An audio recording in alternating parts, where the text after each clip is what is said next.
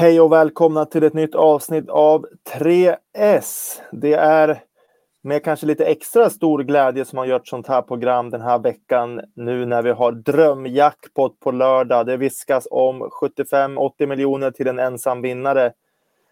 Rickard, den här veckan har vi läst på lite extra va? Eh, ja, det får man säga. Det är laddning inför en sån härlig jackpot. Tackar ja. man inte nej till. Nej, svårt var det förra veckan där ingen fick sju rätt. Eh, många V71-spelare som är revanschsugna såklart nu när det är Bergsåker. Så att, eh, och många miljoner i potten. Så att, eh, ja, Bergsåker då, som bana, eh, har någon relation där? Eh, något speciellt du tycker man ska tänka på eh, till helgen?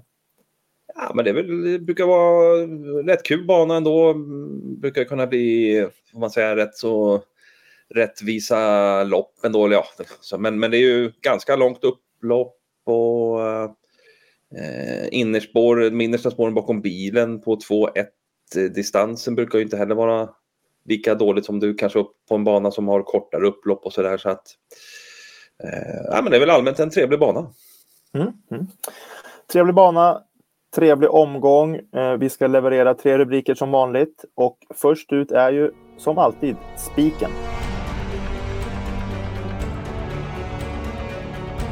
Spiken alltså. Eh, Rickard, omgångens bästa spik. Var hittar vi den? Ja, vi går till V75 3. Det är eh, nummer 3. High on Pepper. Eh, inget snack om saken. Visst, eh, han blir ju stor favorit i det här loppet. Eh, det ska han också vara.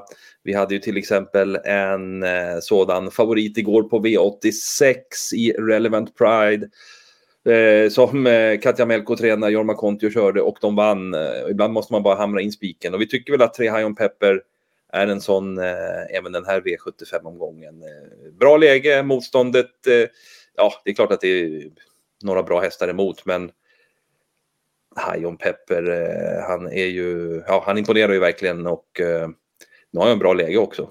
Det är svårt att tro också att någon tänker ta emot honom här om eh, när Jorma Kontio kommer och han ja, borde kunna köra sig till spets och eh, sedan så ja, då blir han väl svårslagen precis som han var senast.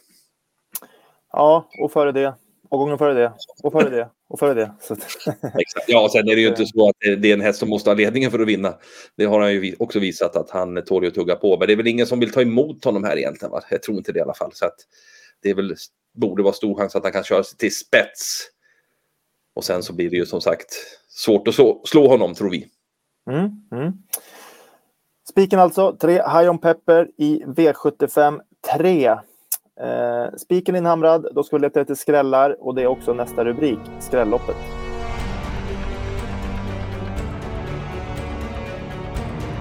Skrälloppet alltså. Rickard, var hittar vi det?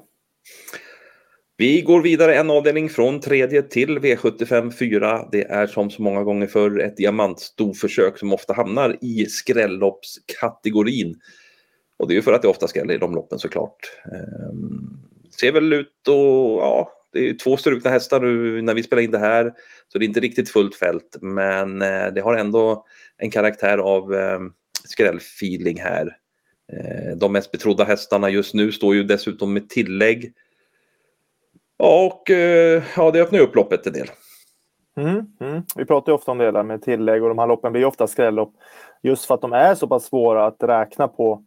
Ibland blir det såklart favoriten ändå, men det, det, risken eller chansen hur man ser det att det ska hända något oväntat är ju väldigt mycket större i sådana lopp. Det räcker egentligen med en omstart ibland så, så är det några hästar som redan har straffat ut sig och så. Ja, exakt. Och eh, som sagt i voltstart också. Det, det, kan ju bli omstarter och lite sånt där. Det, det händer ju rätt ofta, eller ja, många gånger i alla fall. Så att det kan hända oväntade saker i de här loppen. Mm, mm. Härligt. Hur många, många hästar tycker man behöver? Ska man ta så många man bara har råd med eller finns det någon, någon gräns tycker du där, liksom, där, det, där det räcker? Men sex, sju stycken hästar ska man nog kunna plocka med i alla fall för, för att få med några skrällar och vi har ju några sådana lågprocentare här. Eh, en, en som är på start till exempel, 6 Exact Amount ska man nog passa där. Den har ju spetsläge. Men sen ska vi lyfta fram en riktig skräll också, lågprocentare, för vi pratar ju skräll också. Vi måste ju bjuda på något också. Och nummer 8 West Wind eh, är ju rätt intressant. Nu står ju den också med tillägg, men har ju rätt fint smygläge och den behöver nog ha lite sån här smygresa. Då kan den avsluta riktigt vasst. Och eh, intressant nu, det var ju rätt täta starter sist på Östersund och inte riktigt fick till det som det brukar vara. Lite bättre ehm, intervall mellan loppen nu tycker då tränare Robert Dunder.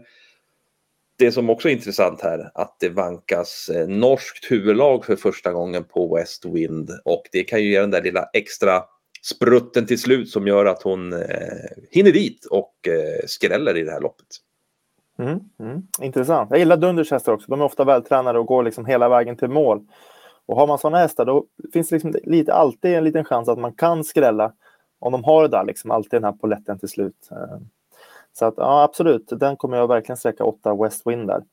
Mm. Skrälloppet alltså V754, ta 6-7 hästar är rekommendationen. Eh, sen ska vi gå till sista rubriken som är chaset.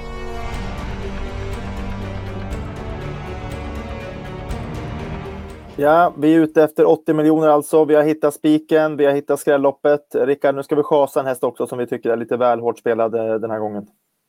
Så är det. Då landar vi i V756 där fyra Never Too Young är hårt betrodd nu. Eh, nästan favorit, ja andra i alla fall. Och det tycker vi är eh, fel i det här loppet. Vi har ju flera andra segerbud mot eh, henne. Men det är klart, hon har ju tre raka segrar och ehm, en fin rad då, så då blir det ju eh, såklart att de blir rätt svårt betrodda. I alla fall så här eh, inledningsvis på innan, ja, inledningsvis på veckan då, om man säger så. Då. Ehm, men hon har ju visat eh, rätt så bra inställning i, så där, i de här loppen, men eh, det är ändå ett stor nu som ska ut, eh, möter ju hingstar och valacker och det är kort distans där hon är lite speciell i stilen och aktionen och hittills har ju kort distans inte visat sig vara någon plus. De gånger hon varit ute på det har ju, har ju varit eh, dåliga resultat helt enkelt. Mycket galopper och sådär. Så att, eh, nej, och lite som sagt några bra hästar emot där. Så att eh, nummer fyra Never Too Young eh, tror vi inte vi så hårt på i det här loppet. Så det är chas på henne. Mm, ett bra chas. Synat när man synar hästen bakom raden på ett sätt där, liksom, de har tre raka och varit jätteduktiga, men nu är det liksom helt andra förutsättningar, framförallt med kortdistans och sådär. Så att, ja, intressant, den chasar vi. Eh, då var vi faktiskt klara för den här gången. Eh, jag ska sammanfatta de tre rubrikerna. Vi hade spiken först, nummer tre, High On Pepper i V753. Skrälloppet har vi i V754, där vi lyfter fram 8 Westwind och 6 Exactement. Sen chasar vi nummer fyra, Never Too Young i V756 som eh, blir alldeles för hårt spelad den här gången. Vi tycker inte att det är seger eh, förutsättningen den här gången för fyra Never Too Young. Eh, tack för att ni tittar och stort lycka till på lördag.